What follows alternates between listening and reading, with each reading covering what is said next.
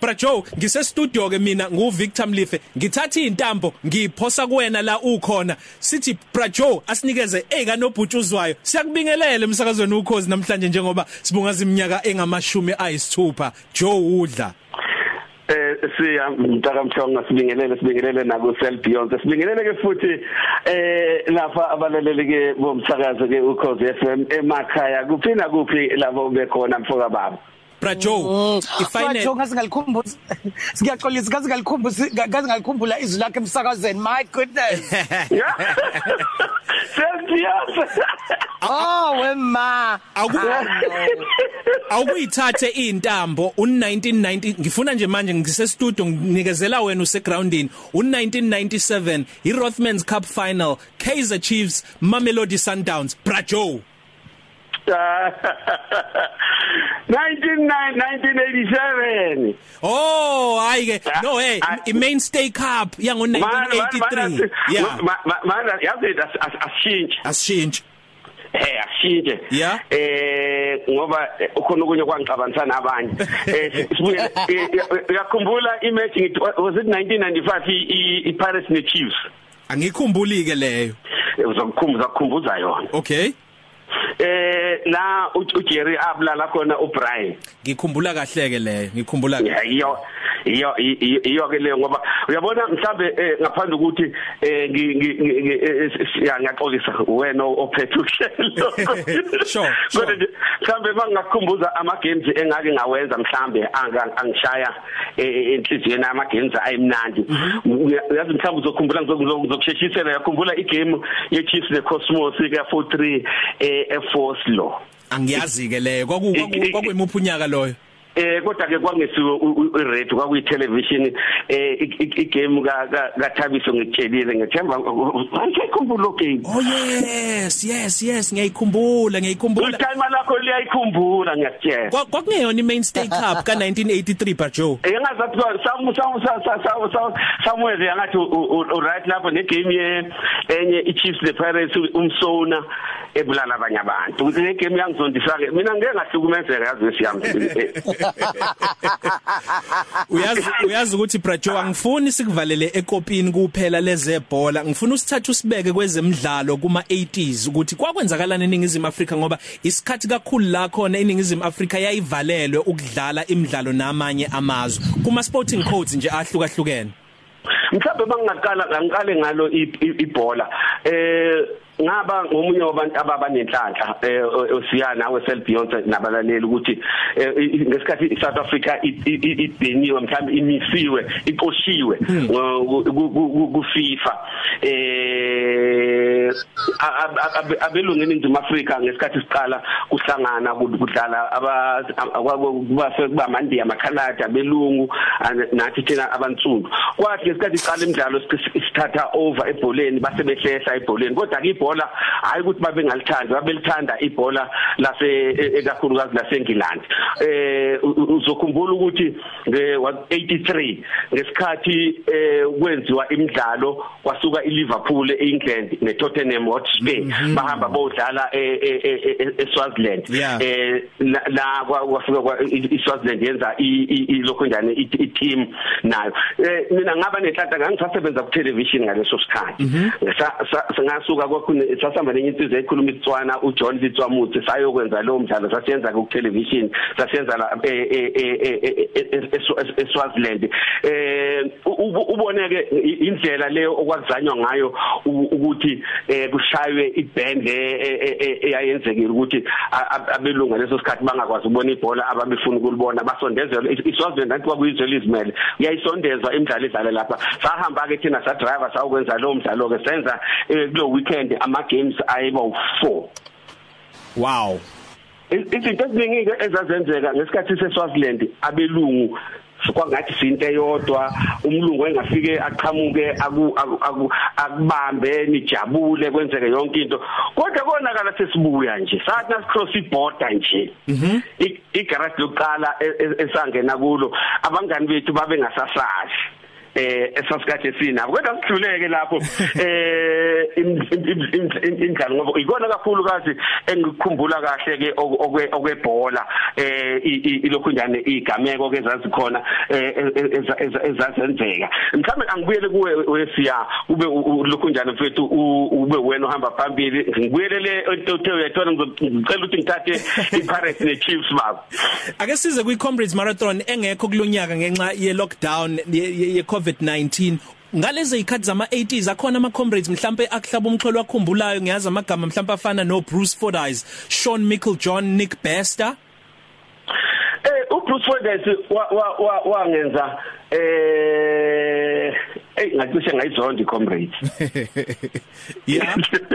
ngendlela ayenza ngakhona ayidominate ngakhona iminyaka icishe iminyaka emihlanu. Ewinela nje ehambela kwake ukuthi eh ubani khambilo lesizwa endelena kwakusu Lopen Fall uLopen Fall kwakwama kwakubani? Naleli baleka igama eh okwakufanele sasithemba ukuthi eh wase kwase transfer ngaleso sikhathi kwakufanele ukuthi awine eh uBruce Forders amshaye njalo eh lapho ko polish shot nafika nje lapha eh bisiqhamuka le nto leyani iqhamuke yabona kwesitimela sihamba nje impela siyolala. Iqhamuke nje akudlule umuntu angathi ufresh uqale khona la ku polish shot ugijima. Yangenza ngendlela ayenza ngakhona eh uBruce Forders hey ngazi ngagcina ngingasayithandisisi kahle hle. Eh futhi ke ngangijike mhlambe ngibe emotional ngathi kodwa nje ke iyona yezinye zezinto engazibalula ngayo iComrades Marathon. Ngaphambi kuba sikudedele abanye abaculi ngenxa yamathuba engatholakali ngenxa yokuvalelwa kweningizimu Africa internationally.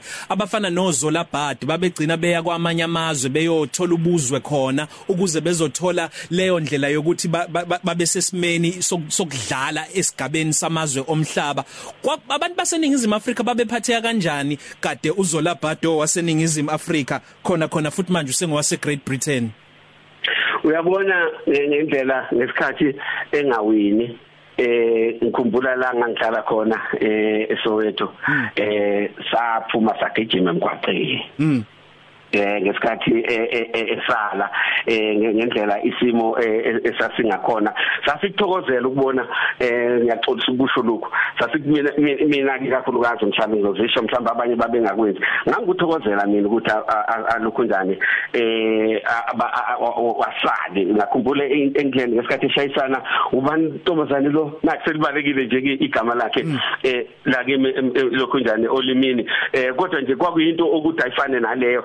Thina sasingafuni neze neze ukuthi awine ngoba sasazi ukuthi kuze kube nje ingoba babezama ukuthi ke ukuthi abelungu yayibashaya nawo lonto ukuthi njoba ubandlululo kade vele ludla umunyu kodwa nabo kukhona izinto ababezithanda ababengakwazi ukuthi kodwa bazigweme ezazibashaya nabo sibazwiseke ubuhlungu. Ileyo nto ke eyayisenza ukuthi ke sijabule. Kufana nabo boxing eh okaliknuse no Gerry no Gerry eh ngesikhathi omunye wabo wangekhumbule shaya uJohn Tate. Eh sathi ngikhumbula ngisasongoye ngaleso sikhathi na? Ngiyakina angisakhumbuli kodwa ngiyakhumbula ukuthi ngangisesikolweni akuthi ngakubuphi kodwa ngiyakhumbula ukuthi ngangisesikolweni angisho ngakusongoye ngaleso sikhathi. Wathi sikwazi kwaqala nje ingoma lapha ngoJohn Tate sisigijima lapha ngaphandle emva kokuthi ke eshaya uqali kunuthe wamnokhe singakhuluma ngamanye ama sporting codes ngoba ungenile esibhakeni. Singakhuluma ngo Brian Mitchell Dingan the Rose of So of Soweto Thobela. Kuningi kakhulu Brajo awukubonge nje kumlaleli wokhozi ohlale nathi kuyo yonke lomnyaka futhi nothembisayo ukuthi usazoqhubeka okhozini. Eh eh awuphinde kahle ngizwe kahle umbuzo wakho ba ngithi awubonge kumlaleli wokhozo beloke ehleli zonke lezi ikhathi yonke leminyaka elalele ezemidlalo nizethula. Namanje uyathembisa umlaleli ukuthi uzohlala nokhozi. Ngasho nje ngithi sibonga kakhulu eh siya nawe self beyond kubalaleli ngoba kunabalaleli ngempela asolokhu kuqala abasekhona namhlanje. Futhi ukukhozi ke kuyamangaza kunabantu abaqala ngama 60s ukulalela ukhozi okuze kube namhlanje abavula iradio. 24 hours. Ayivalwa ngisho nene ezovuka ayimsebenzini. Uhlala njalo umuntu elalele ukhozi lakhe luseduzane naye. Ayivala eyaphi iradio nje uthola ukuthi ayivala nabantwana abayithinti. Ngithanda ukuthi ke ngibabonge kakhulu abalaleli abafana ke nalabo okungithokozisa kakhulu ukuthi ke nebalo zokhozi zabalaleli zisahamba kahle kakhulu. Okukhombisa amadoda ukuthi ke yonke into isahamba kahle eh nibambile ine kakhulukazi ke kusukela ke nangabala ke ezemidlalo nkosiyami ngibale insizwa ezaqala lapha na ke zalidumisa ukhozi ngokwezemidlalo. Mawuzokhumbula insizwa efana njengothetha masombuko kuwasadebe oPhilip Bafana Zwane obhexisa kunene. Mhlawumbe abanye ngeke besamkhumbuza besamkhumbula ubhexisa kunene. Omunye wabasakazi bebhola engamthanda kakhulu ngaleso sikhathi. Brajo siyabonga kakhulu. Lengoma esiphuma ngaye Soul Brothers ithi bazobuya. Ngicabanga ukuthi wakube khona nawe lapha eFNB ngaphambi kokuba kuqala imatch uAbdul Bamji umenza iconcert ngangeke bekhona insizwa leyo eh engangibe elokhunjane eh engaba khona ngaleso sikhathi. Esingesikhathi lezi engangeke ngihlukumezeke ngoba iswalozi ngaleso sikhathi. Yayidliwa kodwa ngesinye isikhathi ubone ukuthi hey wawuphendula ke lo mbuzo wokuthi uthanda iswalozi vele wena umthetho wakho? Hey ndoda. So Beyonce usakhona nje sesiyavayelisa ku Brajo ngiyakho ngisakhona ngiphinde nginganqamuka kancane ukuthi sengibuyile all right usiyava usiyahamba ku Brajo saluvalelisa bye Brajo eh selfionse ngiyanikhumbula bafowethu.